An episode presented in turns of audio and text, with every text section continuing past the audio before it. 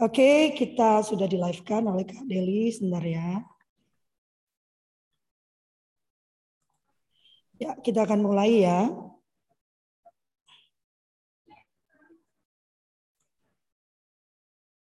Oke, selamat pagi sahabat suluh keluarga. Eh, kita bertemu lagi dalam Kultur Parenting Pagi edisi hari Senin eh, tanggal 27 Juni tahun 2022. Saya mau meminta maaf karena minggu lalu uh, dua kali kultur parenting pagi terpaksa saya liburkan karena uh, saya tidak menemukan pengganti ya. Uh, kebetulan dua minggu uh, seminggu kemarin itu dua kali saya ada pekerjaan pagi uh, ke Amir, jadi tidak sempat membuka uh, kultur parenting pagi dan teman-teman yang lain yeah. juga sibuk ya. Jadi uh, saya terpaksa men, uh, membatalkan kultur parenting pagi. Jangan cemas ya teman-teman, uh, moga-moga tidak terjadi lagi atau bukan tidak terjadi lagi, tapi saya akan mencoba mencari atau melatih Kak Deli ini ya, supaya bisa menjadi host ya kalau saya kebetulan tidak ada. Ya, dan uh, suluk keluarga atau kultur parenting pagi ini selain bisa Anda ikuti lewat Zoom, Anda juga bisa bergabung lewat YouTube channel kita di kultur parenting. Dan kalau aduh nggak sempet nih kak nonton YouTube, silakan Anda buka Spotify Anda. Saya tidak mengurangi, tidak menambah. Jadi apa yang Anda diikuti pagi ini langsung di-download Kak Deli dan di-upload ke Spotify ya. Jadi silakan dicari channelnya sama Kultur Parenting ya. YouTube-nya Kultur Parenting, uh, Spotify-nya Kultur Parenting. Dan apabila Anda tertarik untuk mendukung kegiatan pagi ini, setiap pagi Senin, Rabu, dan Jumat ini, Anda bisa bergabung dengan kami menjadi anggota suluh keluarga dengan 150 ribu per tahun ya. Selain Anda mendapatkan 12 kali 12 kali pertemuan uh, parenting, Anda juga bisa memanfaatkan ya memanfaatkan grup suluh keluarga untuk mendiskusikan temuan-temuan masalah parenting Anda ya dan juga diskon 20% untuk pelatihan-pelatihan parenting yang kami lakukan. Yang terdekat kami akan melakukan uh, pelatihan coaching for parents and teachers. Jadi nanti uh, uh, pesertanya adalah keluarga dan juga guru ada tiga tingkatan yang akan kami laksanakan bersama Kak Mariati Budi Raharjani ada beliaunya ya. Jadi mari bergabung ada banyak manfaat yang bisa Anda dapatkan tetapi yang terpenting Anda mendukung kami dalam melakukan kegerakan parenting ini ya. Uh, sengaja memang bukan saya pembicara utama karena tujuan utamanya adalah berkolaborasi karena saya percaya masing-masing kita punya uh, apa ilmu parenting yang sangat baik ya jadi kultur parenting pagi memang dibuka untuk mewadahi kita semua belajar parenting dari banyak sahabat-sahabat kami dan pagi ini nah, pagi ini menarik ya kita akan bicara tentang remaja. Remaja itu lama-lama ke Amir ya. Jadi kayak makhluk aneh gitu ya. Semua orang ketakutan dengan makhluk yang namanya remaja ini ya, Amir ya. Ya, ya, ya, ya. ya. Dan kita akan mencoba memahami perilaku mereka melalui perkembangan kerja otak mereka. Nah, neuroscience itu kan bicara kerja otak ya Kak Amir ya, bukan otaknya secara fisik tapi kerja otak mereka. Dan Pak Amir, ah nggak usah ditanya lagi lah, beliau ini kan memang punya kegerakan namanya neuroparenting. Ya, uh, usah panjang lebar. Silakan Pak Amir. Bismillahirrahmanirrahim. Assalamualaikum warahmatullahi wabarakatuh. Selamat pagi. Salam sejahtera bagi kita semua sahabat keluarga Indonesia dari Sabang sampai Merauke atau di mana pun teman-teman berada. Uh, sebuah kehormatan kembali saya ketiban sampur ini. Ini ketiban sampurnya Mbak Loveli ini ya gitu Lawang ya. tiap bulan ketiban sampur. jedok jedok jedok gitu ya. Ya biasanya biasanya uh, sekaligus kalau ketiban sampur begini juga juga belajar gitu ya uh, bersama belajar uh, di pagi hari ini ya saya Dr. Amir Sufdi uh, Dr. Amir Sufdi dari Sekolah Neuroparenting kita niatnya belajar bareng ya mohon izin teman-teman ini ada Kakak Irwan ya Kak Irwan sehat ya Kak Irwan Alhamdulillah dok. Masya Allah. ah, ini seru banget. Ya, ini ada ada Dokter Ika Devi ya, gitu ya, di SPD. Uh, ini kebetulan anak saya juga masih masih PPDS di penyakit dalam ini. sekolah lagi mereka kita uh, ya sudah biar dinamika sekolah biar jadi lebih seru dan teman-teman semuanya senang sekali kita membahas tentang remaja ya uh, kalau di dalam neuroparenting itu ada tiga state yang harus kita perhatikan ya uh, pengasuhannya um, 0 sampai 7 tahun ya di atas 7 tahun sampai 12 tahun delaynya sampai 13 14 tahun kemudian di atas 14 tahun sampai 21 tahun ya delaynya sampai 27 eh 25 tahun. Uh, paling banyak yang saya yang kami ubek-ubek di neuroparenting itu di 0 sampai 7 tahun. Itu paling banyak. Bahkan kalau saya sendiri diundang dalam waktu yang sama gitu ya, suruh ngisi anak SMA atau anak TK, saya pilih anak SMA terus terang. Eh sorry, saya pilih anak TK. Ya, karena betul-betul uh, TK ini betul-betul uh, basic sekali. Aduh, saya pikir teman saya ini uh, Bunda Mariati ya, gayanya hampir sama. Baik tentang remaja, oke ya. Uh, ngobrol-ngobrol sama teman-teman psikiater beberapa waktu yang lalu mereka itu gile gitu. Apa dok? Remaja sekarang banyak sekali yang uh, apa namanya datang di tempat praktek. Waduh. Terus kalau sudah remaja yang datang, mulailah saya pusing. Kenapa? Karena penyelesaiannya harus melibatkan orang tua. Sementara orang tua yang memiliki anak-anak, tanda kutip, anak remaja yang bermasalah, hampir bisa dipastikan kaku nepol gitu ya. Kaku pol banget gitu bahasa itu atau Alkisah akhirnya jadi jadi pusing jadi pusing sendiri kan gitu ya. Berapa kasus yang saya uh, case yang saya ikut uh, membantu nangani teman-teman ya. Kalau sudah patologi saya berikan ke teman-teman psikiater gitu ya. Kalau uh, masih fisiologi ya uh, kita membantu mengaktifkan piranti-piranti otak yang uh, yang yang seyogianya dia diaktifasi gitu ya. Ada seorang Ya, terima kasih Dokter Ika Devi. Ya, ya oke. Uh, ya, uh, semoga ini Dokter Ika juga bisa, adapun uh, Bunda Lovely dilempari sampur aja. ya teman-teman, uh, saya sudah menjadi seorang engkong ya, seorang engkong, seorang seorang kakek, seorang yangkung gitu ya. Anak saya uh, sudah menikah, uh, sudah punya saya sudah punya cucu ya, sudah punya cucu satu. Uh, sekarang masih satu orang yang masih remaja kelas kelas 11 ya. Uh, dinamika remaja sangat luar biasa. Seorang ibu mengeluh sama saya, dok anakku itu gitu ya pada saat usia sebelum SMA ke bawah itu begitu berprestasi gitu. begitu berprestasi ya ikut lomba ini berprestasi ini berprestasi gitu. Oke uh, memasuki memasuki COVID ya kok langsung melerek langsung turun terus prestasinya. Bahkan sempat dinyatakan tidak naik kelas. Apa yang terjadi ini sebenarnya dari dari kajian dari komunikasi lebih dalam ditemu saya saya temukan salah satunya ayah ibunya terlalu sibuk ya.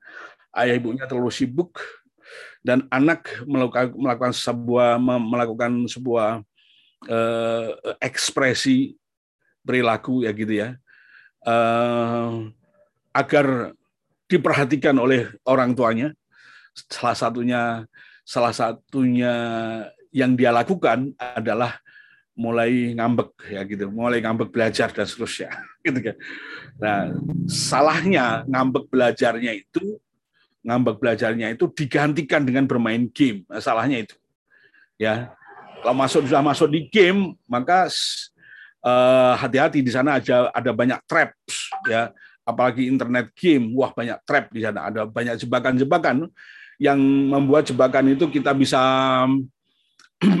bisa apa namanya uh, uh, kepleset ya, atau bahkan bisa jadi kecanduan dan seterusnya. Dan efek daripada menggunakan internet games dengan rupa intensifnya membuat anak yang dulunya berprestasi itu menjadi menjadi turun terus ya gitu ya dan bahkan sekarang berkecenderungan menggunakan handphone dengan waktu yang tidak terkontrol dengan baik gitu ya.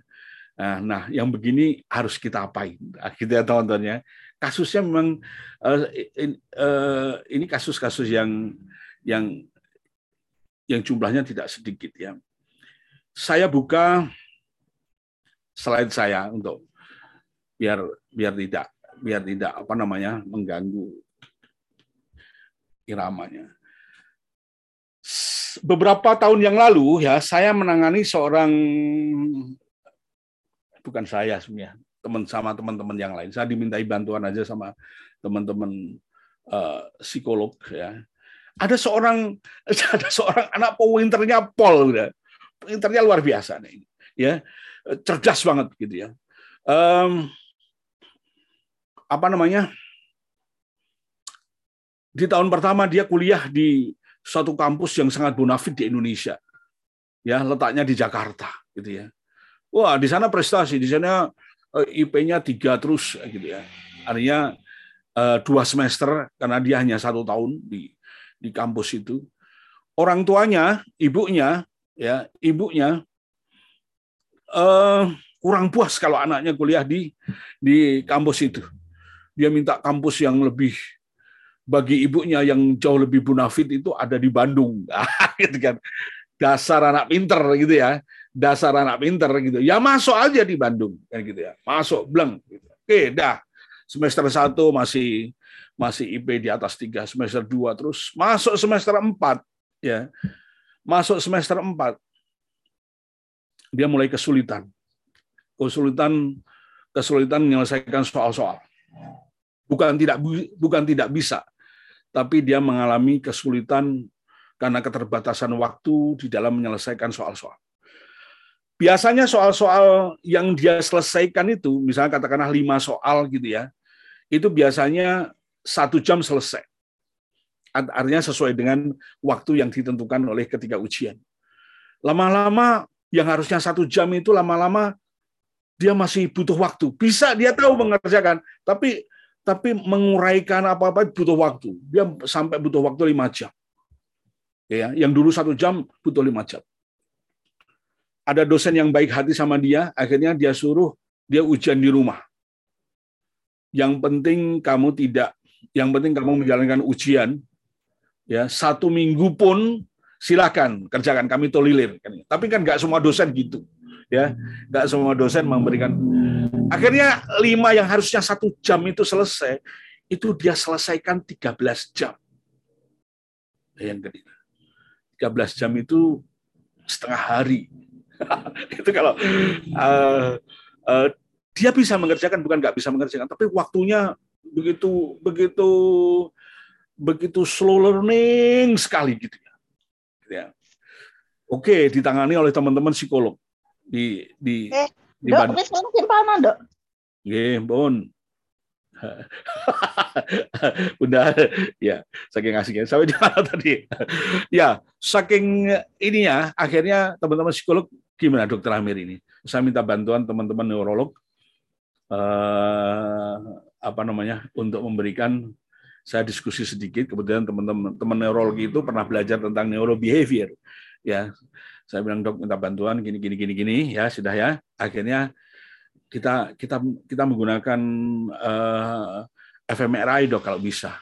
Atau kalau atau positron emission tomografi atau PET PET waduh susah dok di sini. Gitu ya. Susah dong ya. Ini ini tulisan ini ini foto foto dari advisnya ya foto dari advisnya ya ya udah kalau begitu pakai MRI biasa aja gitu ya yang terjadi seperti ini teman-teman ya yang terjadi setelah difoto biasa pakai MRI biasa ya tidak fungsional ya ditemukan adanya hipokampus kiri mengalami skleroid sklerotik. Sklerotik itu bahasa awamnya mengkeret gitu aja lah.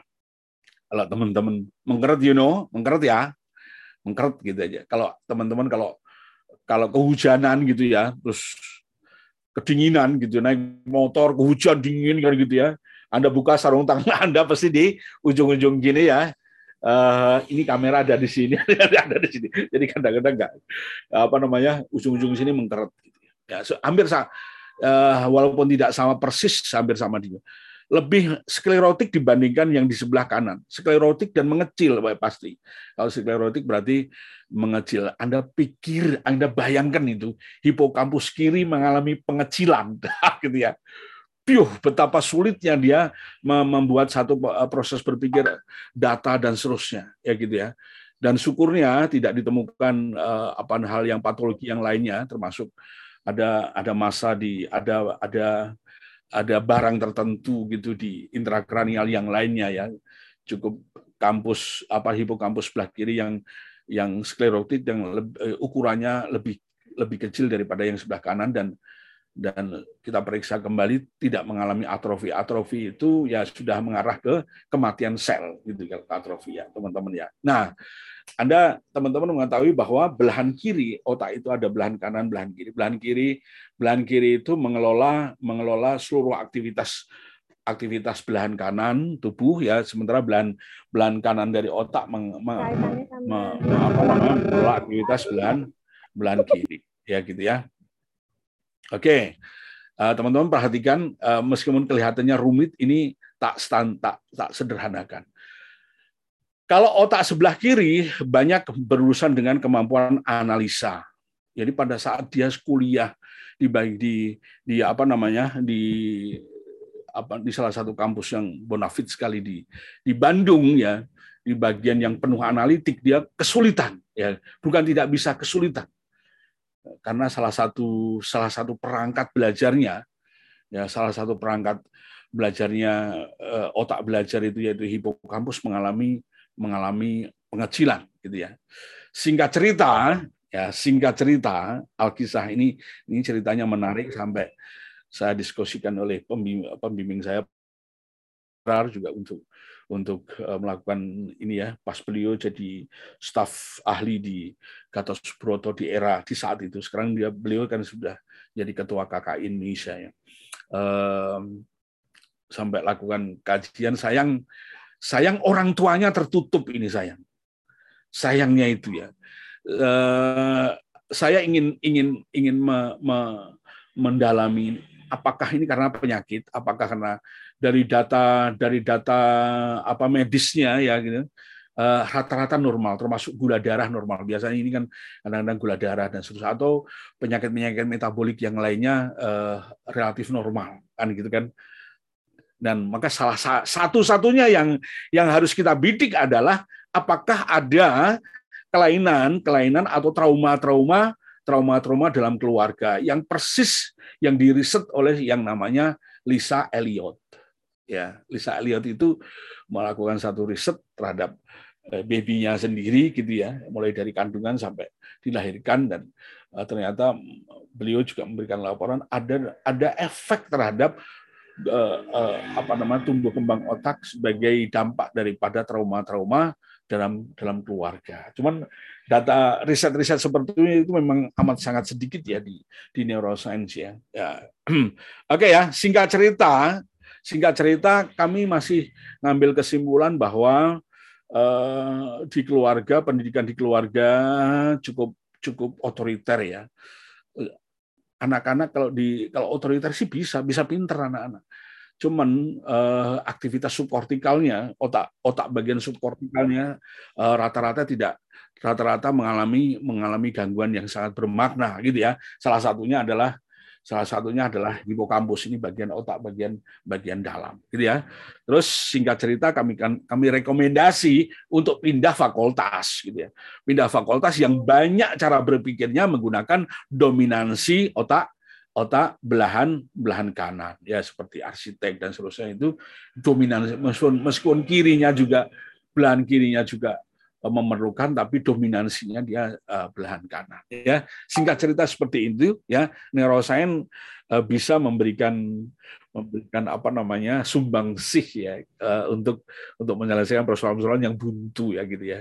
Ini ini kajiannya sangat luar biasa teman-teman di psikologi klinik ya. Ujung-ujungnya salah satu di di neuro dari sisi neurologi ya gitu ya didapatkan uh, case seperti ini ya terima kasih teman-teman. Oke lanjutnya ya.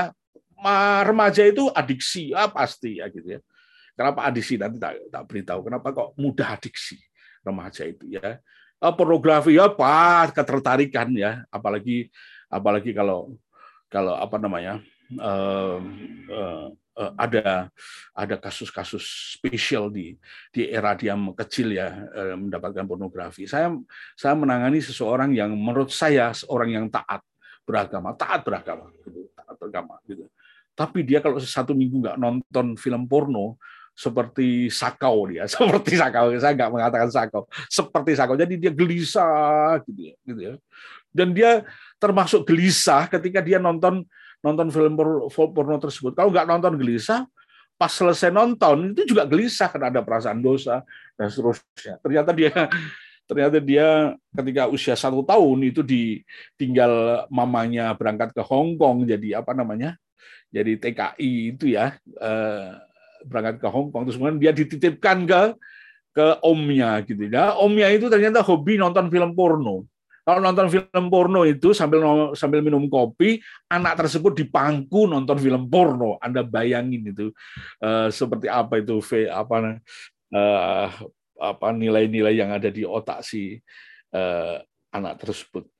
Ya gitu. Jadi uh, sampai bisa ber berefek kepada kepada psikosomatiknya ya gitu ya.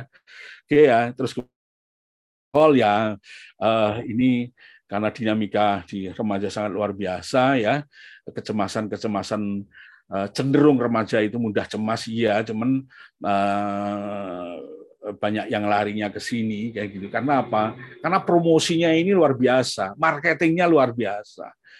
Narkoba apa apa itu marketingnya kan luar biasa kan gitu ya. Sehingga eh, sehingga dia terarah ke situ ya itu. Oke teman-teman sekilas tentang berapa menit lagi, Bun? Sekilas tentang otak ya. Ya teman-teman lihat, ya otak itu ada belahan kanan, belahan kiri. Kalau satu belahannya kita buka seperti yang di sebelah kanan ini, ini belahan ya, gitu ya. Terus ada otak dibangun oleh uh, miliaran neuron ya, apa nama dan dan dan neuroglianya di situ ya kita kita bahas sedikit biar biar mudah teman-teman perhatikan ini ya ada otak daleman dan ada otak luaran Selalu kalau di dalam neuroparenting itu pelajarannya ini. Saya menggunakan dua bagian dua bagian otak. Kalau otak belahan kanan belahan kiri diambil satu belahannya, maka akan kelihatan otak bagian dalam, otak bagian luar. Kan gitu kan. Ada ada yang mengatakan ya, Joseph Leduk dia menggunakan otak bawah, otak atas. Kayak gitu ya. Uh, kalau saya dasarnya adalah neuro neuro neuroanatomi, ada namanya visceral brain, ada namanya cortical brain. Jadi ada istilah visceral brain, otak dalam ada. Kalau dari sisi pertumbuhannya memang memang dari dari dalam dulu dari batang otak dan dan seterusnya sebelum ya terus melingkar di sini menjadi sistem limbik dan kawan-kawannya termasuk basal ganglia terus kemudian ditutup oleh ditutupi oleh satu lapisan ya yang berlipat-lipat ya karena apa namanya dia menutupi maka juga disebut disebut kortikal ini juga disebut dengan kulit otak gitu ya. Kalau membayangkan kulit jangan kulit otak jangan membayangkan seperti kulit begini ya gitu ya. Uh, kulitnya sangat sangat halus, sangat lentur, sangat ya seperti gambarannya seperti tahu tahu apa itu uh, uh, kalau di pagi-pagi itu ada jual tahu ini ya yang warna putih goyor-goyor ya hampir-hampir sama begitulah gitu ya hampir-hampir sama nah ada otak bagian dalam ya yang berhubungannya dengan dengan emosi, vegetasi, hormon dan seterusnya itu bagian dalam ya. Uh, saya memberikan garis bawah eh, ke teman-teman bahwa otak bagian dalam ini berhubungan dengan emosi ya. Uh, di sini juga ada ada berhubungan dengan aktivitas gerak. Maka kalau di dalam neuroscience kalau menyelesaikan emosi itu jangan lupa jangan lupa uh, apa mengelola aktivitas gerak ya jangan lupa ya gitu ya kalau di dalam teman-teman psikologi menyelesaikan emosi kan uh, belum sudah mulai sih sekarang ya. Uh, tapi masih banyak yang dia tidak melibatkan aktivitas gerak. Ya, uh, terus kemudian yang yang kedua adalah otak bagian bagian kortikal yang berkelok-kelok ini ya. Ini fungsinya adalah berpikir. Nah, nah pada remaja, teman-teman, pada remaja otak bagian dalam ini, otak bagian dalam ini, subkortikal ini yang fungsinya adalah salah satunya adalah emosi, itu sudah berkembang 100 sorry, sudah tumbuh 100%. Clear pada remaja. Rata-rata 12 tahun dia sudah sudah sudah tumbuh. Sementara bagian kortikal belum selesai, gitu ya. Sementara bagian kortikal ini belum selesai. Padahal ya tantangan remaja itu sangat luar biasa. Diperlukan kepiawaian ke, di, diperlukan kematangan otak bagian luar untuk berpikir untuk merenungi untuk me, ide-ide dan seterusnya. Kan gitu kan? Nah otak bagian luar ini masih 95 persen kurang 5 persen kan gitu.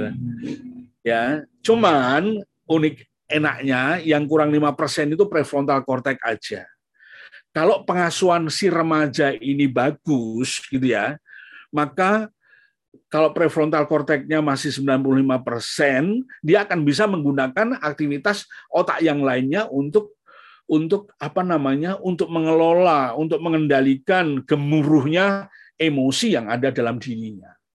Jadi remaja itu karakternya emosinya bergemuruh gitu. Teman-teman Malaysia mengatakan ya bergemuruh gitu. Memang begitu. emosi dorongan emosi loh, wah, luar biasa gitu remaja itu. Gitu ya. Nah, yang bisa ngerem dorongan emosi ya prefrontal cortex. Gitu ya. Yang bisa ngerem dorongan emosi ya prefrontal cortex. Artinya apa? Normal berpikir ya, kalau teman-teman belajar berpikir, normal berpikir itu porsinya kortikal harus lebih besar daripada porsi subkorti subkortikal. Oke, normalnya itu porsi kortikal ya region ya harus lebih kuat daripada subkortikal region normal. Nah, nah ini ini ini ini berhubungan bagaimana cara membuat kuat ya? Ini berhubungan dengan pengasuhan anak-anak yang si remaja yang di masa kanak-kanaknya dia dia me, me, me, menjalankan kehidupan pengasuhannya dengan dengan sangat sangat baik gitu. Pengasuhannya sangat baik ya. Salah satu indikator sangat baik itu pengasuhannya ada pengasuhan pengasuhan berbasis gerak itu uh, diasuh dengan baik ya motorik halusnya oke, motorik kasarnya oke, sensori integrasinya oke. Nah, ini ini baru mau clear ini kalau remaja sudah begitu. Karena apa? Dengan gerak yang bagus ini ya, dengan latihan-latihan gerak yang bagus ini, maka kortikal yang secara umur belum lengkap, tapi sel-selnya, sambungan-sambungannya, sinapsisnya, di ada namanya sinaptogenesis, sinapsisnya bagus sekali gitu ya ada ada sambungan itu cuma untuk-untuk gini, teman-teman, cuma untuk-untuk gini. Dibentak dikit pretel, kayak gitu ya. Untuk-untuk gini, diberikan tantangan dikit pretel, gitu kan. Tapi kalau pengasuhannya luar biasa gitu ya, dia biasa melakukan sambungan, sambungannya jadi kuat gitu ya, apa namanya keeping brain-nya juga bagus ya sehingga kerjaan antara sambungan neuron itu jadi bagus yang pada gilirannya neuron-neuron ini akan mudah sekali membangun membangun perkembangan dirinya ketika dia akan belajar-belajar hal-hal yang bah, hal-hal yang baru. Nah, ini jadi kondisi teman-teman kalau melihat remaja jangan tak lihat remajanya saat itu aja. Anda harus harus flashback, lihat ke apa yang terjadi dalam si si dia ini, gitu. Ya. Apa yang terjadi dalam pengasuhan dan seterusnya. Ya, teman-teman ya. Oke, dikit lagi. Um, ini faktanya seperti ini. Ya. Bukti morfologi, neurokimia, fisiologi, neurobehavior, dan neurofarmakologi menunjukkan bahwa otak remaja dalam keadaan aktif dalam pematangannya. Jadi masih dalam proses pematangan. Dan bukti seperti ini uh, membuat otak remaja secara struktural dan fungsional ya rentan terhadap tekanan lingkungan ya perilaku berisiko dan seterusnya ya teman-teman. Nah, efek daripada prefrontal cortex yang belum sempurna ini membuat dorongan di sub kortikal yang sangat luar biasa itu membuat membuat prefrontal cortex kan jadi kelabakan ya. Apalagi kalau apalagi kalau teman-teman si remaja ini akhirnya sudah kecanduan gadget. Jadi apa coba prefrontalnya belum mateng ditambah dengan kebanjiran dopamin sampai kelagepan sel-sel sarafnya di prefrontal sampai kelagepan susah diajak mikir ya susah diajak pikir. Ditambah lagi riset yang terakhir kalau apa namanya menggunakan internet game itu didapatkan hipokampusnya mengecil juga. Terjadi pengecilan daripada hipokampus plus terjadi terjadi apa yang namanya eksitasi ya. Eksitasi di nukleus accumbens. Eksitasi itu sukanya seneng pokoknya. Diberikan tantangan nggak bisa dia. Diberikan tantang susah pak. Adalah susah pak. Udah tak. Terus ya nggak bingung ngurus remaja ini kan gitu kan. Tapi tapi kalau kalau kita tengok secara secara detail remaja ini punya potensi yang buh, luar biasa. Ya luar biasa salah satunya adalah ya ya oke anak mau kebetulan saya di Manado ini teman-teman saya di lereng utara Gunung Lokon ini, ini anak mau berangkat apa lagi ambil PPDS ya. Oke okay, ya. Uh, jadi faktanya sebetulnya otak remaja itu jos banget gitu ya. Jos banget. Nah ini ini harus diketahui bagi uh, apa nama harus serius betul-betul teman-teman yang yang ngelola yang ngelola kelas kelas 9, kelas 10, kelas 11, ya, kelas 12 di sini harus betul-betul serius ya.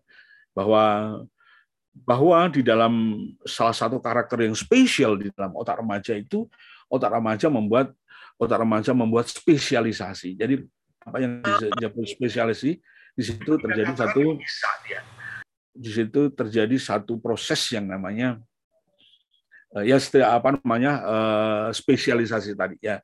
Jadi uh, perningsasi ya, perning. Ya. Jadi jadi neuron-neuron yang nggak kepake itu disingkirkan kan gitu ya. Di, terus kemudian di, mulai dibentuk mulai dibentuk sebuah satu apa namanya spesialisasi ya, satu uh, uh, uh, yang disebut dengan apa namanya pematangan pematangan neuron ya gitu ya.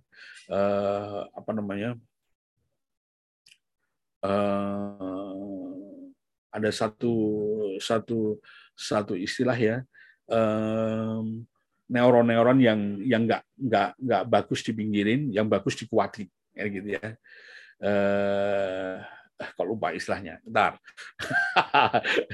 uh, ini bukan faktor U, ini faktor faktor capek dikit kali, hipokampus ya, gitu ya. Otak remaja mengalami satu proses pematangan dari belakang ke depan, ya.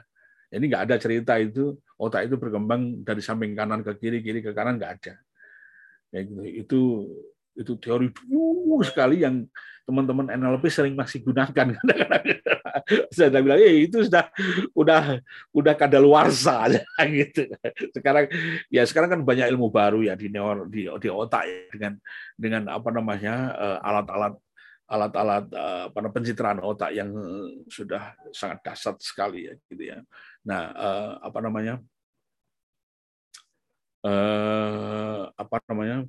proses proses spesialisasi ini ya eh, apa namanya? berkembang dari dari pembersihannya ya pembersihannya mulai dari belakang dari belakang sampai kemudian ke depan karena memang salah satu kinerja daripada daripada otak begitu dari otaknya apa namanya dari belakang ke depan, depan ke belakang. Oke. Apa yang harus kita lakukan? Remaja dengan kondisi otaknya seperti ini ya teman-teman. Ini perhatikan ini teman-teman. Eh, saya berikan satu, ada tiga hal. Remaja mengambil lebih banyak resiko biar gitu ya. Tapi Anda dampingin. Nah, gitu. Biar nggak apa-apa gitu ya. Ya, jadi kalau jadi jadi kalau teman-teman orang tua khususnya atau para pembimbing, para para coach, para itu kalau punya kalau ininya remaja gitu, teman-teman harus bisa menjadi pendamping. Jadi pengasuhan di era 0 sampai 12 tahun sudah harus disingkirkan. Udah beda banget. Harus jadi teman, harus teman ngobrol, harus jadi teman teman cur apa namanya uh, jadikan curahan curhat ya gitu ya maka salah satu skill yang harus dimiliki oleh orang tua ketika memiliki putra putrinya apa namanya uh, uh, remaja ya orang tua harus memiliki kemampuan yang namanya listening ya kemampuan berpikir sebagainya ini nanti hari kalau teman-teman ingin belajar lebih dalam ya, uh, usahakan remajanya yang ikut ya. Kalau remajanya ikut, bonusnya orang tua, gitu kan. Ini hari hari Rabu, Rabu Kamis kami kami membuat me, me, me, membuka workshop dengan dengan bonus apa namanya dengan bonus uh, thinking skill untuk remaja ya. Kita me, kita me, me, me, apa, me, me, me, me, mempetakan Eh, gaya berpikirnya remaja ini seperti apa dan pada gilirannya kita akan tahu bagaimana cara dia merespon, cara dia berpikir dan nanti ujung-ujungnya bisa bisa bisa dicocokkan untuk mana apa karya-karya apa yang cocok untuk dia gitu ya. Nah, pertama teman remaja ini karena sukanya resiko ya gitu ya. Dan dan maunya itu dilakukan ya. Maunya dia melakukan ya resiko itu gitu ya. Maka orang tua membimbing mendampingi. Kalau ngengkel aja kadang-kadang kita lepas ya wes kan gitu ya. Ya pesannya jangan mati ya nak ya kadang-kadang kadang-kadang orang tua sudah tahu akan terbentur kan tapi anaknya ngotot ya wis lah dicoba gitu kadang-kadang perlu ya. tapi yang yang yang lebih penting di sini ya kalau punya remaja ada teman-teman tetap membangun bonding ya, tetap membangun uh, rasa kedekatan. Yang kedua, remaja mengekspresikan lebih banyak hal dan lebih kuat emosinya. Ini ini penting sekali untuk membangun uh, emotional experience. Ini penting sekali ini. Ya, ini risetnya Lisa Filtman Barrett yang melakukan riset ini. Ya, ya pengalaman-pengalaman, pengalaman-pengalaman remaja itu begitu kuat sekali ya uh, memorinya begitu kuat karena ada konten emosinya. Ingat bahwa otak emosi, ya otak emosi remaja jauh lebih kuat sekali daripada otak kortikal kan gitu kan pada saat remajanya itu. Oke ya. Yang berikutnya adalah remaja membuat keputusan cenderung impulsif nah, ini. Jadi kalau remaja kita impulsif itu nggak patologi. Memang karena dorongan dorongan apa namanya subkortikalnya sangat tinggi sekali, sementara peran daripada kortikalnya masih sangat sangat kecil ya gitu ya. Maka cara mengimprove remaja agar agar emosinya itu relatif stabil itu ya, jangan biarkan dia diem. Ya, jangan dia jangan biarkan dia punya mainan-mainan, punya karya-karya yang banyak diem ya cari yang dia bisa bergerak, bisa bergerak. Ya, uh, yang bergerak itu bisa berangkang, bisa delosor, bisa dan seterusnya ya gitu ya. Uh, yang saya masukkan diem kalau remaja itu bermain gadget itu kan paling diem, mojok di sofa dan seterusnya ya gitu ya. Itu harus kita jauh. Ya. Yang terakhir, biarlah anak Anda mau mengambil resiko yang sehat. Resiko yang sehat itu Anda bisa bisa membantu ya bisa membantu kira-kira resiko yang muncul yang mana gitu ya. Nah ini ini teman-teman harus yaitu harus harus atau seyogianya anda bisa bisa menjadi pendamping yang baik ya gitu ya. Biar nggak di biar nggak dianggap anda menghalang-halangi ya. Bantu anda anda menemukan ekspresi baru dan kreatif ya bantu dia uh, Terus kemudian keputusannya itu masih dilatih, ya pengambilan keputusan, ya remaja gitu ya. Saya tadi baru aja sama sama remaja saya kan mau ngajak mau ngajak ke toko buku ya alhamdulillah sukanya buku ya gitu ya. Saya Mas jam berapa? ngomongnya terserah ayah aja. Enggak, kamu sekarang ngambil keputusan. Sampai sekarang belum ngambil keputusan. Jam berapa?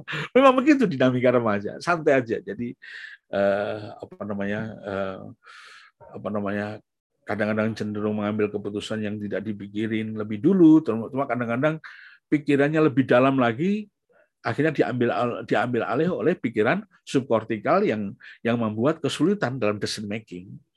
Ya, bangun hubungan kedekatan nah ini penting sekali ini ya bonding ya. Eh, alhamdulillah, alhamdulillah kami uh, apa namanya uh, ya bondingnya masih oke okay ya gitu ya. Apalagi ibunya itu luar biasa ya sampai ulang tahunnya kalau ulang tahunnya dibuatin itu dalam rangka salah-salah juga untuk membangun bonding. Kalau membangun bonding kan lebih enak kita ajak ngobrol dan seterusnya. Oke. Okay?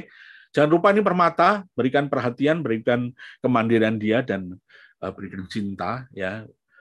Berikan keteladanan yang konstruktif dan bantu mengenali dan memahami bagaimana otaknya bekerja gitu ya. Terima kasih. Kita masuk diskusi. Matur nuwun, Mbak. Ya, daging banget ya. Terima kasih. Tapi saya bersyukur karena ya. tadi sambil cek dan recheck diri sendiri itu, Pak. Iya, iya, iya. Ya. Karena anak saya sudah Maaf. sudah besar ya, sudah mereka sudah bukan remaja lagi ya, sudah dewasa muda. Ya. Tapi puji Tuhan beberapa yang Bapak sampaikan itu uh, menjadi landasan saya waktu berinteraksi dengan mereka. Ah, suaranya cakep banget ya, mohon maaf ya. Saya terlalu memaksa suara. Kak Irwan mau bantu saya. Suaraku cakep.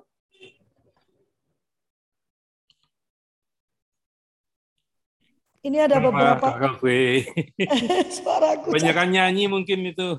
Iya, karena dua puji Tuhan dua minggu ini menerjemahkan terus terus minggu kan pelayanan di gereja ya. Jadi suaranya dikeber habis. Ini ada beberapa pertanyaan nih. Mohon maaf ya teman-teman ya suaranya ya. Kak Irman mau bantu saya membacakan atau gimana? Kayaknya suaraku Oke, jelek banget. Saya bantu bacakan deh. uh, sebentar mengisi absen ini dan materi dalam komunitas keluarga. Oh, ini bukan ini masih pengumuman. Banyak bermanfaat menyelesaikan masalah emosi dengan melibatkan perasaan dok. Konkretnya dok gitu dari Kak Elizabeth nih. Iya. Yeah. Materinya oke, okay. udah itu beliau minta konkretnya gitu. Oke. Okay. Iya. Yeah. Ya, konkretnya teman-teman perhatikan ya. Um, konkretnya begini. Kalau anak-anak punya ada remaja yang ide liar remaja itu ide liarnya luar biasa. Karena creative thinking itu harus dibarengi dengan dengan kondisi emosi yang baik ya. Namun creative thinkingnya dia itu tidak tidak dianalisa resikonya gitu ya. Terus pokoknya buat kan gitu kan. Pokoknya buat, ya silahkan aja gitu ya. Nah, kalau sudah level begitu, Anda perhatikan kalau saya ya, saya analisis resikonya ini sampai membuat cilaka dia atau enggak ya. Ya membuat kecelakaan dia atau enggak minimal minimal eh, sampai mengancam jiwanya. Kalau tidak ya so monggo aja gitu ya. Silahkan aja gitu ya. Dulu pernah anak-anak itu bermain api ya gitu. Sampai satu ketika dia bermain sedotan, ya. Saya perhatikan nanti mau sedotan, saya sudah tahu itu nanti sedotan kalau kena tangan, nah itu panasnya luar biasa. Sesudah saya ngomong loh, diteteskan di tangan tes, biar aja, yang paling melepuh dan seterusnya kan gitu. Tapi sudah itu ya sudah selesai kita nggak ya kita nggak perlu. Nah, kalau anda berhadapan dengan anak-anak yang yang idenya luar biasa, bahkan ada kesalahan-kesalahan pada remaja dan kesalahan itu pertama kali gitu ya. Anda nggak usah nggak usah berikan nggak usah berikan punishment yang terlalu nggak usah. Target yang pertama anak atau remaja Anda tahu bahwa yang dilakukan itu salah. Oke ya dan salahnya itu ya contoh kesalahannya itu tidak terjadi pada uh, anda berdua uh, apa namanya ayah dan budanya kan gitu. Dia mencontoh yang lain gitu ya. jadi targetnya di situ ya. Sehingga sehingga apa pun yang dilakukan oleh anak remaja itu adalah bagian dari belajar tumbuh. Belajar tumbuh. Kalau di dalam di dalam neuroteaching ya yang saya ampu ada istilahnya namanya belajar, tumbuh dan berkembang. Itu karakternya karakter neuron gitu. Ya. Jadi biarkan dia eh, dari pengalaman itu menjadi belajarnya menjadi tumbuh, bukan bukan belajarnya jadi ciut ya, ya gitu ya. Uh, silahkan melakukan melakukan melakukan eksplorasi sedemikian rupa sehingga yang asik itu kalau anak melakukan eksplorasi terus kita diajak diskusi, uh itu asik pol itu, wasik pol itu. Udah itu uh, seneng banget deh gitu ya. Gitu ya. Nah, sudah diajak diskusi, Anda harus memposisikan sebagai teman. Nah ini yang eh, penyakit orang tua nih. Ya, Anda harus punya posisi sebagai teman. Nah, kalau posisi sebagai teman, persis seperti teman Anda SMA dulu loh. Pas dia curhat, gini, Anda gimana sikap Anda gitu ya. Maka salah satu skill yang harus dimiliki oleh orang tua seperti ini adalah yang saya, yang saya sampaikan tadi, namanya listening empathic. Listening empathic adalah satu kecakapan untuk menyimak tanpa mengevaluasi, tanpa menganggap kau salah, nak kau benar. Targetnya aku mengerti kau nak. Sudah itu aja. Targetnya di situ, gitu ya. Targetnya orang tua mengerti dan anak faham kalau dimengerti. Targetnya di situ aja. Nah ini ini skill yang skill yang uh, seyogianya apa namanya uh, seyogianya di dimiliki ya oleh orang tua ya gitu ya. Oke, yang kedua adalah tadi saya katakan bahwa bahwa Eh, cara anak memutuskan sesuatu itu impulsif. Melakukan kadang-kadang ya ini ini yang normal aja impulsif. Anda bayangkan yang nggak normal. Yang nggak normal itu para orang tua ya para orang tua yang mengasuh anak putra putrinya di 0 sampai 7 tahun itu cenderung otoriter gitu ya, cenderung otoriter. Cenderung otoriter itu indikatornya apa? Anak menjadi anak penurut. Ya, saya ulangi, cenderung otoriter itu Anda bisa amati anak-anak itu penurut, kurang ide tapi penurut. Mhm. Misalnya ini yes ini tapi penurut ya. Uh, seharusnya orang tua mendidik anak untuk menjadi taat, taat pada aturan main. Ya. Nah ini antara anak menjadi penurut dan anak menjadi taat ini beda, beda areanya. Ya, kalau menjadi penurut yang kita gewer, yang kita uh, kita sikat adalah subkortikalnya, otak emosinya. Nah, kita tahu bahwa subkortikal ini otak binatang yang ada pada manusia. Jadi kalau kalau Anda me, membuat kerbau kita penurut gitu ya, Anda sikat aja subkortikalnya. Dengan cara apa? Melubangi hidungnya, nyeri, akhirnya tarik ke sana, tarik ke sini. Oke, oke. Dan itu bisa Anda lakukan ketika putra-putri Anda masih berusia 0 sampai 12 tahun. Tapi kalau itu yang terjadi, Anda harus siap-siap anak putra-putri Anda yang masuk remaja akan menjadi remaja yang pembangkang. Wah, dia sudah mulai uji coba dia, ya gitu ya. Karena ketika ketika orang tuanya usir dia dia lari bener. Karena dia sudah punya geng di sana sana sana dan seterusnya, kan gitu. Nah, ini teman-teman harus perhatikan ini. Ya, apalagi kalau kalau teman-teman mengasuhnya dengan otoriter, segera berubah ketika remaja Anda sudah hadir segera berubah Anda gitu ya. Karena betul-betul betul-betul uh, mengganggu uh, tumbuh kembang otak anak gitu ya. Nah, bagaimana cara tidak otoriter? Uh, kalau di anak-anak ya kita sering yang paling banyak kita memberikan contoh ya. Karena otak dia menggunakan mirror neuron ketika otak anak menggunakan mirror neuron sebagai fasilitas untuk untuk apa namanya untuk belajarnya gitu ya terus kemudian uh, berikan contoh, berikan contoh, berikan contoh ya gitu. Dan pastikan berikan keba berikan suasana yang bahagia. Itu harga mati itu untuk anak-anak gitu. Karena karena suasana yang yang bahagia itu akan menjadi menjadi bekal pembangunan emosi pengalaman emosi yang pada gilirannya pengalaman emosi akan menjadi bahan pembangun pola pikir remaja Anda gitu ya. Nah, kalau kalau pengalaman emosi di masa kecil uh, itu berantakan gitu ya, Anda asuh dengan temperamental gitu ya, maka emosi yang temperamental ini akan me menjadi menjadi apa namanya uh, bahan untuk membentuk pola pikir remaja Anda gitu ya. Ini apa namanya um, otoriter itu beda dengan beda dengan uh, keras ya, beda dengan suara keras ya gitu. Kalau teman-teman bergaul dengan eh, teman-teman Manado ya, Manado apa namanya Ambon ya, NTT, ya, itu suaranya keras-keras kan. Tapi dia ada hutanya di perhatian ya, di apa namanya uh, uh, pengakuan ya, dan seterusnya gitu ya. anak butuh butuh yang itu gitu ya uh, itu realisasinya sih seperti itu ya. Terus kemudian yang penting tidak tidak kalah pentingnya itu bonding, kedekatan kita dengan anak. Ya. Indikatornya apa? Kalau bonding Anda bagus ya, Anda sebagai tempat curhatan. Kalau Anda sebagai tempat curhatan dan yang Anda yang mencurhat itu remaja Anda berarti Anda orang tua yang sukses serius ini gitu ya karena karena susah. Loh, saya sendiri juga ada yang ada yang deket, ada yang kadang-kadang yang uh, yang lebih sukses itu istri saya gitu ya. Istri saya lebih sukses. Dia bisa banyak kalau ibu-ibu kan banyak jurusnya tuh dekat dengan anak kan. Mulai dari membuat masakan yang disukai anak gitu kan. Mulai membuat racikan-racikan menu untuk ulang tahun wah semacam-macam lah gitu ya. Ya ya begitulah gitu ya.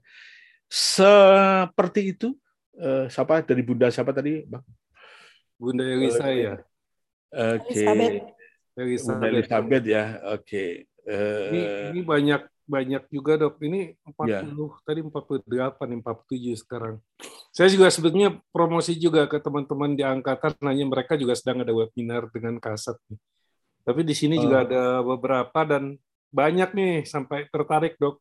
Acara neuro teaching yang rutinnya kapan gitu kan? neuro teaching, neuro teaching ini bagian dari program sekolah neuroparenting ya. Ini satu tahun kita buka workshopnya itu dua kali ya, dua kali. Jadi uh, edisi Juli, Juli Agustus ya. Jadi kita memang selain selain itu neuro teaching itu saya berikan bonus pada sekolah-sekolah yang off, offline ini ya sekolah-sekolah yang membuat offline gitu seminar gitu saya berikan bonus online neuro teaching gitu ya uh, neuro teaching itu menarik. Yang paling menarik adalah yang sangat keren ya, seperti programnya pemerintah untuk untuk apa namanya belajar merdeka ini. Sebetulnya teman-teman kalau sudah memahami bagaimana otak belajar itu bekerja itu betul-betul merdeka itu. Serius betul-betul merdeka anak-anak. Ya ini uh, mudah-mudahan teman-teman mudah-mudahan pemerintah memberikan konsep belajar merdeka ini salah satu salah satu apa pijakan ilmiahnya mudah-mudahan neuroscience. Maka uh, kalau sejauh saya amati, meskipun nggak terang-terangan neuroscience gitu ya, banyak sekali konten neuroscience ya, banyak sekali. Maka para guru-guru TK yang belajar yang belajar apa namanya neuroscience itu dia merasa terbantu kan terbantu betul-betul ya bagaimana me, memudahkan apa namanya eh, materi-materi pelajaran untuk untuk anak-anak TK gitu ya. Uh, selebihnya ya uh, untuk terutama untuk TK atau KB, TK sama SD itu betul-betul pijakannya harus kuat banget gitu ya. Sementara SMA itu sebetulnya ngunduhnya sebetulnya. SMA itu ngunduhnya gitu ya. Kalau pijakannya bagus ya, kalau pijakannya bagus, uh, uh, ngunduhnya pasti bagus. Kalau di dalam neuro, neuro teaching itu atau neuro neuroscience itu kan uh, kita kalau bela, semua aktivitas kehidupan kita kan belajar ya. Ya bagaimana bagaimana ada istilah yang namanya neuroplastisitas itu belajar kemampuan adaptasi sel-sel saraf kita ada namanya neurogenesis ya gitu. Itu bagaimana neuron-neuron itu neuron-neuron itu bisa terlahir bahasa orang Menadunya poco-poco. Poco-poco.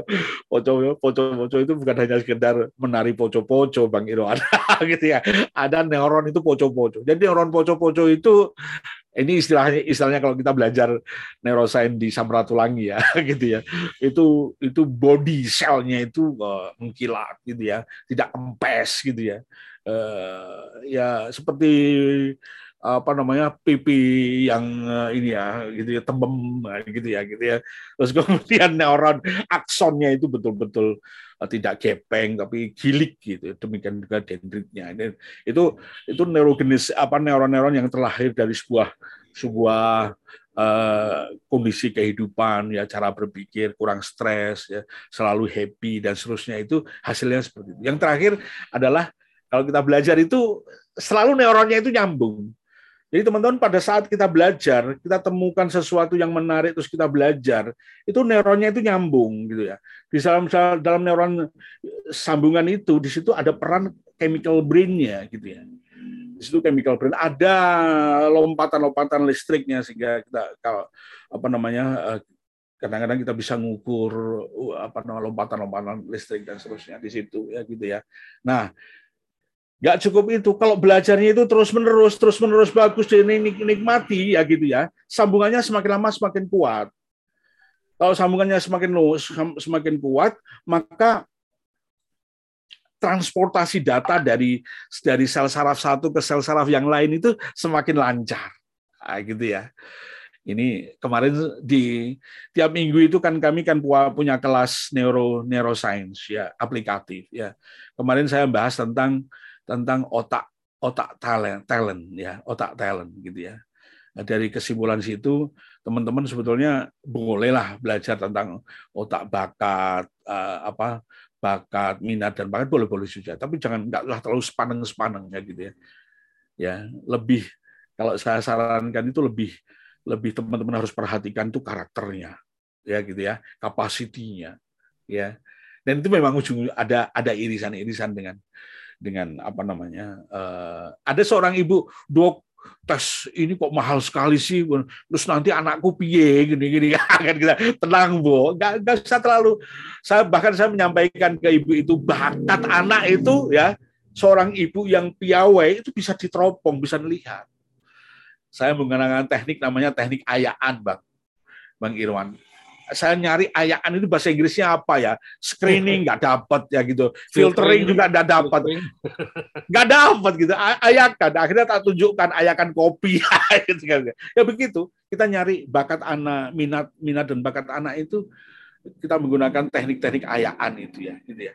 E, begitu cara mensortir neuron itu terhadap apa yang kita suka itu di seperti di ayak gitu ya. Gitu. jadi jadi ya kalau yang punya uang ya silahkan tes-tesan, tapi yang nggak nggak punya dana ya bisa gunakan seperti uh, teknik saya itu. Itu bang. Ya, keren keren okay. keren banget. Eh, terima kasih. Okay. Uh, masih ada dari kakak-kakak yang ingin bertanya langsung mungkin? Ini jam 8 lebih 10, mungkin satu pertanyaan lagi nih Kak Gafri ya. Boleh. Ya, belum nih saya mau tanya. Maaf lagi Halo. Oh, Kak Ika, silakan. Lagi di jalan saya. Iya. Uh, saya izin off kamera ya, soalnya sinyalnya putus-putus. Uh, dok, saya tertarik yang untuk acara hari Rabu dan Kamis itu bisa tolong di-share. Terus uh, kemudian yang untuk brain gym itu yeah. menurut uh, dokter gimana? Dan yang hmm. tadi kan fase perkembangan remaja itu kan ada sampai usia yang terminal terakhir itu ya. Terminal terakhir itu nggak salah sampai yeah. usia berapa? 25.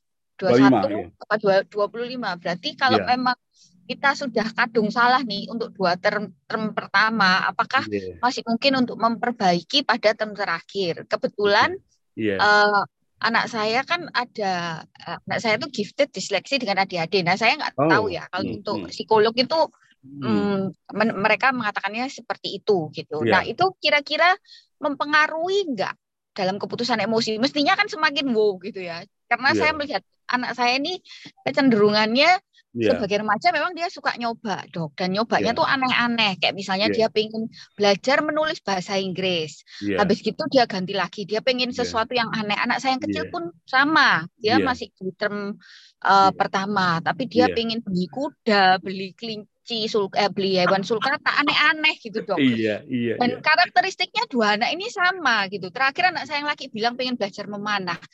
Menurut dokter saya ini harus nuruti sejauh mana? Karena iya. sebenarnya kan empot-empotan juga dok ya. Jadi gini ya, dokter gini ya. Jadi um, um,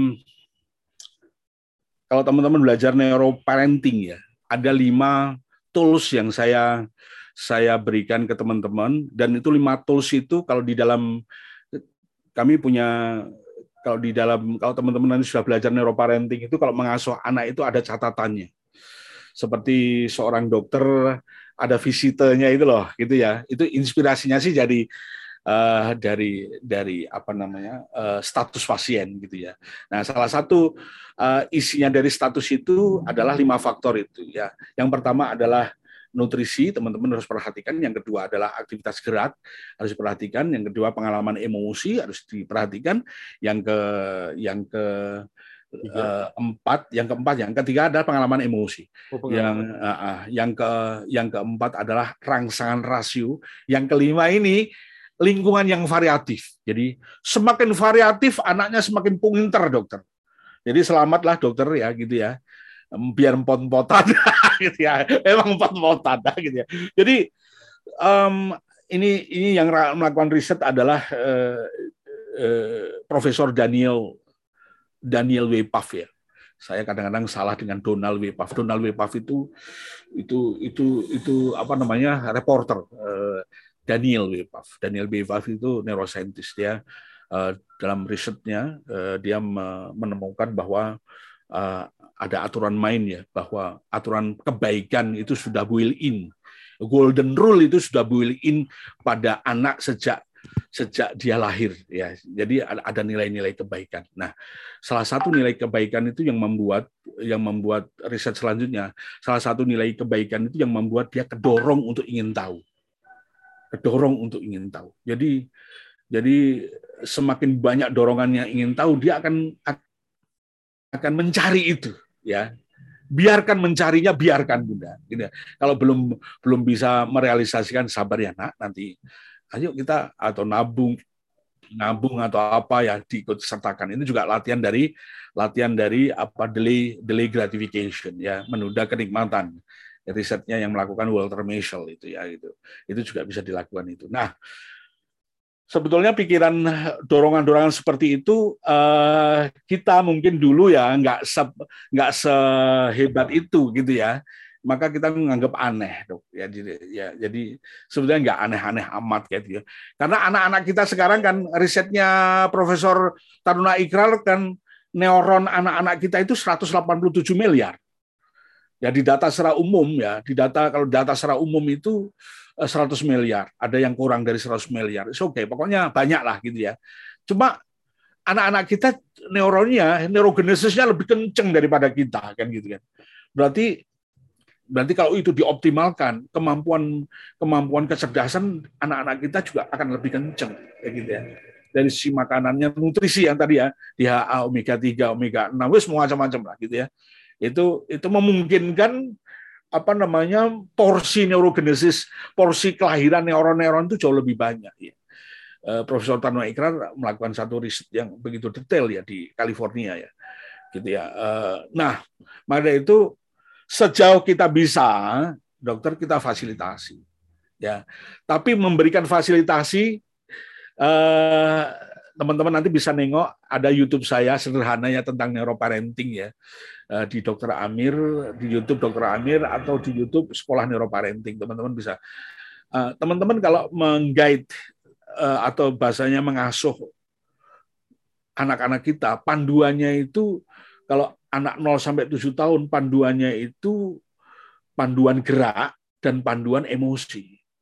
Selama aktivitas itu tidak mengganggu perkembangan tumbuh kembang otak gerak dan otak emosi, sok monggo, silahkan. Gitu, apa saja, gitu ya, apa saja.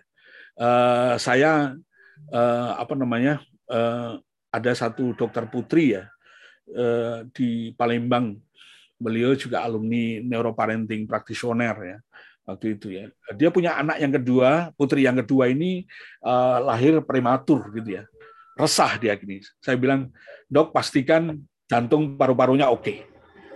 Cek paru-paru paru-paru ya. Biasanya kalau lahir lahir prematur itu kan uh, apa namanya paru-parunya apa uh, bermasalah ya uh, apa namanya cairan di paru-paru itu kurang terproduksi bagus. Ternyata paru-parunya oke. Okay. Kalau sudah oke okay, sudah oke. Okay.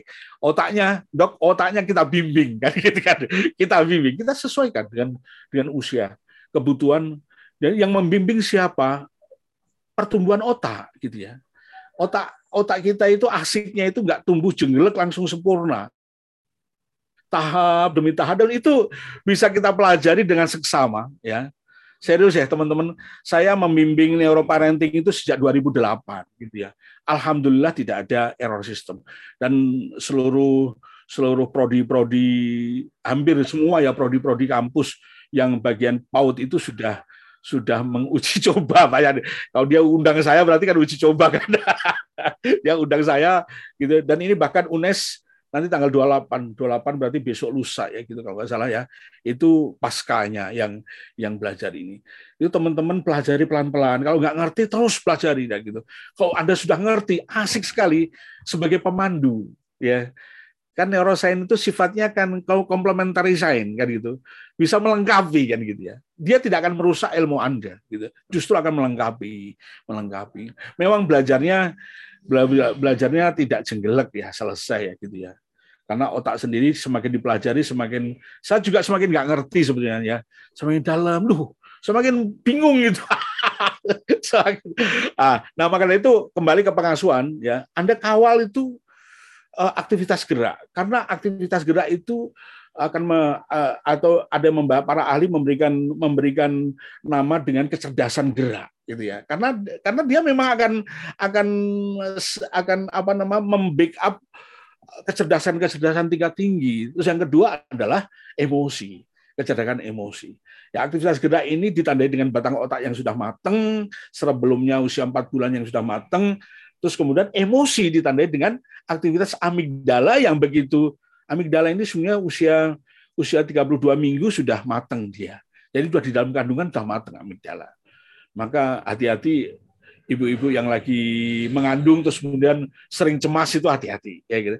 Karena risetnya salah satu emosi yang bisa ditularkan lewat mengandung itu adalah emosi ansietas ya, emosi kecemasan. Ya. Jadi dua ini konsentrasi, Dok. Selama mereka minta apa-apa gitu ya, yang tidak merusak yang tidak merusak dua apa namanya dua kecerdasan ini bahasa saya kecerdasan gerak sama kecerdasan emosi sok monggo aja. Mengapa saya sering keluar-keluar anak-anak usia di 0 sampai 7 tahun jauhkan dulu dari bermain gadget. Itu bukan berarti saya akan menjauhkan anak-anak dari teknologi gadget kagak gitu ya. Saya mau ingin para orang tua ini lebih konsentrasi kebutuhan anak itu karena 0 sampai 7 tahun itu basic banget, basic banget ya gitu. Saya udah nanya ke semua ahli ya gitu. Basic banget gitu ya. Dan di situ kalau ambrol anak Anda pinter tapi nggak nggak bisa bersaing. Anak Anda pinter tapi cepat putus asa. Anak-anak pinter tapi jugetan dan es dan seterusnya. Dan bahkan bisa pinter ngeles kalau cuma ngeles nanti ujung-ujungnya kan uh, akhirnya tidak tidak berprestasi kan gitu kan. Uh, kan kalau kita di training-training itu jangan sampai kita ini ngeles kan gitu kan. Justru kita keep uh, kesalahanku terus kemudian uh, bagaimana cara memperbaikinya itu yang yang jauh lebih uh, yang jauh lebih penting. Dan ini ini uh, fenomena ini terjadi di di Indonesia teman-teman. Uh, makanya itu uh, apa namanya yang paling harus diwaspadai sebenarnya bukan remajanya. Kadang-kadang kalau cuek saya itu kadang-kadang ya sudah remaja ya wis lah. Wis menjadi opo, wis jadi opo, gitu ya. Ini hitungannya ketika kos kita sedikit kan gitu kan. Kalau kos kita banyak ya kita garap semua gitu. Tapi prioritas itu PAUD ya, PAUD TK SD prioritas. Ini ya, prioritas. Cuman terus kemudian kalau SMA ternyata sudah nggak bisa ya Alhamdulillahnya bisa dok ya. Kita kan ada satu teori neuroscience di abad 21 yang sangat hebat itu yang namanya neuroplasticity. Bahwa apa namanya karakter itu bisa dirubah. Ya, cuma memang effortnya berbeda gitu ya. Ya, uh, upayanya berbeda gitu ya. Saya pernah saya pernah nangani banyak nangannya, tapi ini satu ini nangani yang yang agak yang agak apa namanya eh, agak berat gitu ya. Karena dia mengatakan bahwa dok saya itu bangga kalau saya itu marah. Jadi marah itu bangga. Ya, marah itu bangga. Bahkan saya ngomong marah punya tendensi nanti apa bisa hipertensi. Saya hipertensi, Dok. Tapi saya kontrol gitu ya. Bisa kena stroke. Saya sudah kena TIA, Dok. Bayangkan dia itu tahu, Pak trans ischemic attack itu dia tahu tuh gila dan dia santai saja dia. Wih gila dia jadi dia nggak takut dengan dengan stroke itu. Ini ada dua kasus ini yang ini yang satu ini kasus guru ya. Kebetulan gurunya perempuan. Begitu saya bilang marah itu bisa berefek kepada usia bunda bisa 10-15 tahun lebih tua. Ah, baru dia terdiam, Pak. Ya, baru dia terdiam. Apa yang dia cari? Cermin. dia muncul seret-seretnya di sini. Ini kumpulan-kumpulan kortisol yang kalau kita sering marah itu sering mengendap di pinggiran-pinggiran otot wajah itu. Wah dia betul dia. Iya dok masa orang lain ngomong saat itu 10 tahun lebih tua dari usia saya baru dia baru dia mau di mengelola marah ini di satu yang kedua adalah seorang manajer yang harusnya dia yang harusnya dia sudah sudah jadi top manajer gitu pak gitu jadi manajer junior terus ya gitu ya sampai satu ketika itu dia baru mulai engeh itu dapat SP dapat SP karena karena uh, uh, setiap dia marah setiap rapat selalu marah saya rapat sama saya tanya, kenapa sih Pak? Aku itu kalau marah dihargai orang tuh. oh iya, iya. Dan aku bangga sekali. Gitu. Wah, edan. Baru terakhir dia dapat SP akan dikeluarkan. Baru dia, loh, marahku ternyata berefek kepada anakku jadi terganggu, bisa terjadi terganggu sekolahnya, istriku terjadi terganggu jatah jatah apa namanya belanjanya dan seterusnya baru dia ngeh pak gitu baru dia akan merubah ya baru dia merubah dan dia dia sukses merubah itu ya jadi bisa dong bisa merubah tapi memang yang pertama kalau sudah remaja dia harus paham betul bahwa ini merusak diriku. Itu penting sekali. Kalau itu dia jadikan jadikan values waduh rusak deh pol deh susahnya. Aku menyerahkan bukan menyerah ya. Kadang-kadang perlu bantuan teman-temannya. Bantu dong ini membongkar values ya gitu ya. Tadi malam saya sesi coaching ya. Saya ada kelas eh, apa namanya eh, apa namanya brain leadership coaching.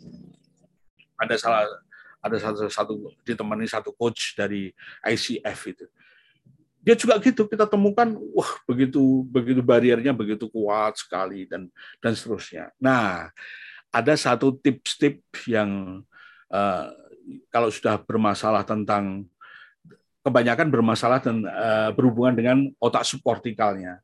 Otak subkortikalnya yang tidak tidak ter apa ya, ter, diberi makan dengan sempurna. Subkorti apa no, otak itu kan selain nutrisi ya selain nutrisi, informasi itu kan juga nutrisi kan bagi otak kan. Melototan mata itu juga nutrisi ya, gitu ya.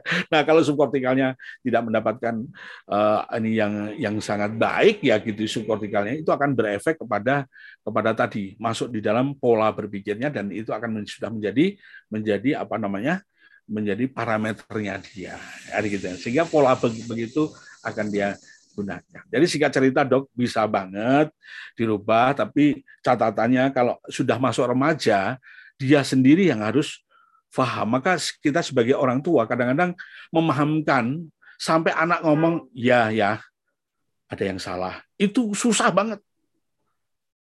Tapi kalau anak sudah ngomong begitu, wah itu berarti ya didik, didikan Anda sukses mendidik anak dan anak Anda luar biasa. Yang lebih luar biasa anda luar biasa gitu ya di situ. Ya jadi eh, apa namanya eh, caranya berbeda. Caranya berbeda ketika ketika anak sudah remaja. Maka eh, di dalam neuroparenting itu di advance ya program advance itu ada namanya coaching ya, coaching keluarga. Sederhana materinya sederhana yang yang penting bisa diterapkan kan gitu kan meskipun meskipun pijakan ilmiahnya rumit gitu ya tapi materinya sederhana. Tapi saya yakin teman-teman teman-teman yang belajar neuroparenting ini uh, atau neuroscience ini uh, ya jangan pakai parameter dokter jangan gitu ya. Dokter belajar neuroscience ya untuk untuk terapi dan seterusnya gitu. Orang tua belajar neuroscience untuk mengasuh, guru belajar neuroscience untuk mengajar gitu. Ada porsinya ya, ada porsinya. Gitu. Mungkin itu dokter Ika, mohon maaf kalau kurang. Luar biasa dok. Udah lebih dari menit Kak Irwan, luar biasa loh. Iya. Kita banyak dapat bonus waktu ini. Terima kasih dokter. Iya. Saya uh, nanti uh, tolong diinfo yang acara Bu kami sama kelas Neuro Parenting Family. Iya, itu iya. itu Juli sampai Desember. Ada enam kali pertemuan dan ada tugas-tugas dan seterusnya. Tapi Saya juga sampai ngasih, aja dok. kasih IG-nya dokter Amir itu di di chat. Jadi memang harus di follow supaya kita tahu pergerakannya dokter Amir. banyak bonus waktu tapi banyak manfaat ya. Terima kasih. Teman-teman yang anggota seluruh keluarga, mohon mendatakan diri ya yang mau ikut apa pelatihan Uh, ya boleh, boleh langsung ke ya. mendatakan diri ke saya nanti ke yeah. kami nanti yeah, akan yeah. kami laporkan ke dokter ya. Silakan, silakan. Terima kasih ya. Iya, iya, ya, silakan. Saya selama ini kan merasa kayak kebetulan anak saya itu kan sudah remaja ya. Jadi yang dua term pertama itu kan lewat. Saya kayak merasa seperti sudah nggak ada harapan gitu ya. Tapi dokter yeah, ngomong yeah. gitu tuh saya jadi merasa oh jadi ternyata bisa ya. Jadi fokusnya sekarang memahamkan anak saya. Yeah. Gitu kan dok. Iya. Nah. Nanti yang ikut yang Rabu Kamis itu kalau bisa anaknya ikut Bun, anu dok. Iya dok. Nanti nanti dokter masuk gitu ya. Jadi iya, dokter. karena karena nanti kalau remaja ikut, saya akan berikan tes uh, tes modifikasi sebenarnya itu HBD, uh, basicnya adalah HBDI ya, uh, tapi sudah di Indonesia kan oleh teman-teman apa namanya uh, Neuroscience Society ya sudah kita Indonesia kan, jadi kita bisa minimal kita bisa mengukur uh, thinking style-nya ya gitu ya. Dan itu nanti saya sendiri yang akan memberikan advice-nya gitu ya. Satu persatu akan kita itu uh, apa namanya uh, Rabu Kamis ini banyak bonusnya termasuk bonus tes itu yang harganya 800 ribu. Nah, gitu ya. Jadi ya, jadi monggo. Kalau yang punya remaja nggak ikut ya. Lu harganya berapa? Kalau nggak salah cuma 150 kalau apa namanya kalau ada yang yang punya remaja ikut. Jangan jangan disingkirkan jangan dilupakan. Ini ini basic basicnya bukan statistik ya. Basicnya basic ilmiah meskipun ya menggunakan pendekatan menggunakan seperti MBBI seperti itu seperti itu tapi bukan MBBI. Oke ya. Uh, itu aja. Ya. Uh, sudah lebih 30 menit teman-teman ya. Wah, dan hari ini luar biasa loh ada 45 orang ya. Nah, uh, bermanfaat ya, sangat bermanfaat ya saya rasa. Saya tutup ya Kak Irwan karena nanti kasihan nanti makin keluar semua nanti ya. Dokter uh, ke ya. Kak, Kak Amir ya, uh, terima kasih. Jangan terima lupa kasih kembali. bulan depan tetap diberi uh, waktu ya kami ya untuk Kak Amir bisa berbagi. Jadi ini sinergi. Saya kami ini tidak mau menghaki semua ilmu parenting, kami ingin bersinergi. Jadi kalau teman-teman nanti punya, Kak itu ada deh orang itu punya konsep yang luar biasa, silakan dikontak ya. Selama ini saya banyak juga narasumber dari Kak Irwan, Kak Irwan saya bilang, kalau Fli ini orang wah keren banget loh ini uh, apa uh, konsepnya gitu biasa saya akan hubungi, kita ngobrol dan nanti akan ada jadwal beliau untuk ber, berbagi ya di dalam uh, kultur parenting pagi.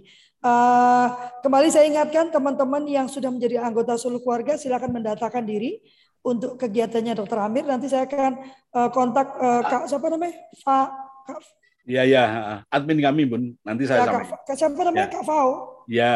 Kak Fao ya untuk uh, untuk uh, detail kegiatannya sehingga nanti akan Baik. saya masukkan ke dalam grup teman-teman bisa cek tapi juga jangan khawatir teman-teman yang terhubung dengan saya lewat WhatsApp saja nanti akan saya sharekan ya ke teman-teman nanti mohon minta Pak Kak Fau untuk men-share ke saya ya, Dokter Amir. Siap, siap, siap. Biar saya bisa sharekan.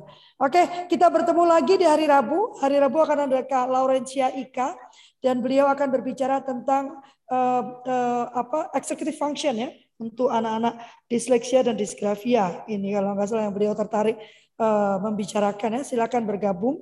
Uh, dan hari Jumat kita akan bertemu dengan Kak Rusmin Dani yang harusnya hari Jumat kemarin tapi kita undur Jumat depan eh Jumat besok ini dan beliau akan bicara tentang belajar matematika yang asyik ya. Uh, terima kasih banyak sampai uh, saya uh, sangat terberkati pagi ini ya, uh, sangat terteguhkan gitu kan. Uh, dan percayalah saya sudah melakukan apa yang disampaikan dokter dan saya melihat hasilnya yang nyata pada anak-anak saya bukan mereka menjadi anak kaya raya atau apa ya, tapi mereka menjadi manusia-manusia yang paham apa yang harus mereka kerjakan dan tidak takut menyatakan bahwa mereka sudah melakukan kekeliruan ya. Bagi saya itu yang penting ya. Kalau kita berani menyatakan kita sudah melakukan kekeliruan, maka ada peluang untuk perbaikan. Tapi kalau kita tidak berani menyatakan kita membuat kekeliruan, maka kita tidak punya ruang untuk melakukan perbaikan. Ya kita berfoto dulu sambil saya mengucapkan salam penutup ya supaya uh, efektif waktu kita. Eh, dan kami semua mengucapkan terima kasih atas kehadiran teman-teman luar biasa 45 orang. Tuhan itu baik ya. Setiap kali saya merasa lelah, dia tunjukkan betapa kultur parenting pagi ini bermanfaat untuk kita semua ya. Jadi saya nggak jadi bosan lagi, nggak jadi lelah lagi ya. Eh, dan eh, apa kita akan terus bersama dengan Anda. Doakan kami ya agar kami bisa terus menemukan pembicara-pembicara yang luar biasa untuk dibagikan dan kemudian meminta maaf apabila, apabila ada pernyataan, perkataan atau uh, gestur yang kurang berkenan. Kami tidak ingin memojokkan, tidak ingin menghakimi, tidak ingin merendahkan, bahkan juga tidak ingin menggurui. Nah, ya, kami semua sedang belajar, tetapi kami ingin membagikan apa yang menjadi keyakinan kami. Dan saya yakin Kak Amir melakukan ini dan dia kerjakan juga di dalam kehidupan kami sehari-hari. Sudah selesai di fotonya Kak Deli? Silakan absen karena di dalam absen itu ada uh, usulan judul. Jadi kalau teman-teman mengusulkan kepada saya topik itu mempermudah pekerjaan saya karena saya bisa mencarikan narasumber yang tepat ya. Tapi kalau suruh nyari topik juga sama narasumber itu memakan waktu lebih banyak. Jadi silakan absen ya dan uh, usulkan topik. Ingat ya, acara ini ini tidak harus berbayar. Jadi teman-teman silakan bantu saya membagikan ya. Kalau teman-teman mau mendukung silakan menjadi anggota. Tapi aduh kayaknya mikir-mikir dulu Kak, enggak apa-apa ya. Acara ini dimaksudkan untuk menggugah para orang tua agar anak-anak kita terselamatkan ya. Terima kasih banyak. Kak Deli sudah difoto? Mana anakku ini? Sudah sudah taruh di grup. Oke, terima kasih. Oke, terima kasih. Wassalamualaikum warahmatullahi wabarakatuh. Salam. Tuhan memberkati. Terima kasih. Terima kasih, Dokter Amir. Tayanti, hati-hati Tayanti lagi jauh. Memang di kampar dia itu. Mm-mm, lagi jauh. Saya pamit ya. Oke. Kamir jangan lupa ya uh, Sip. informasinya ya. Siap. Oke. Ya.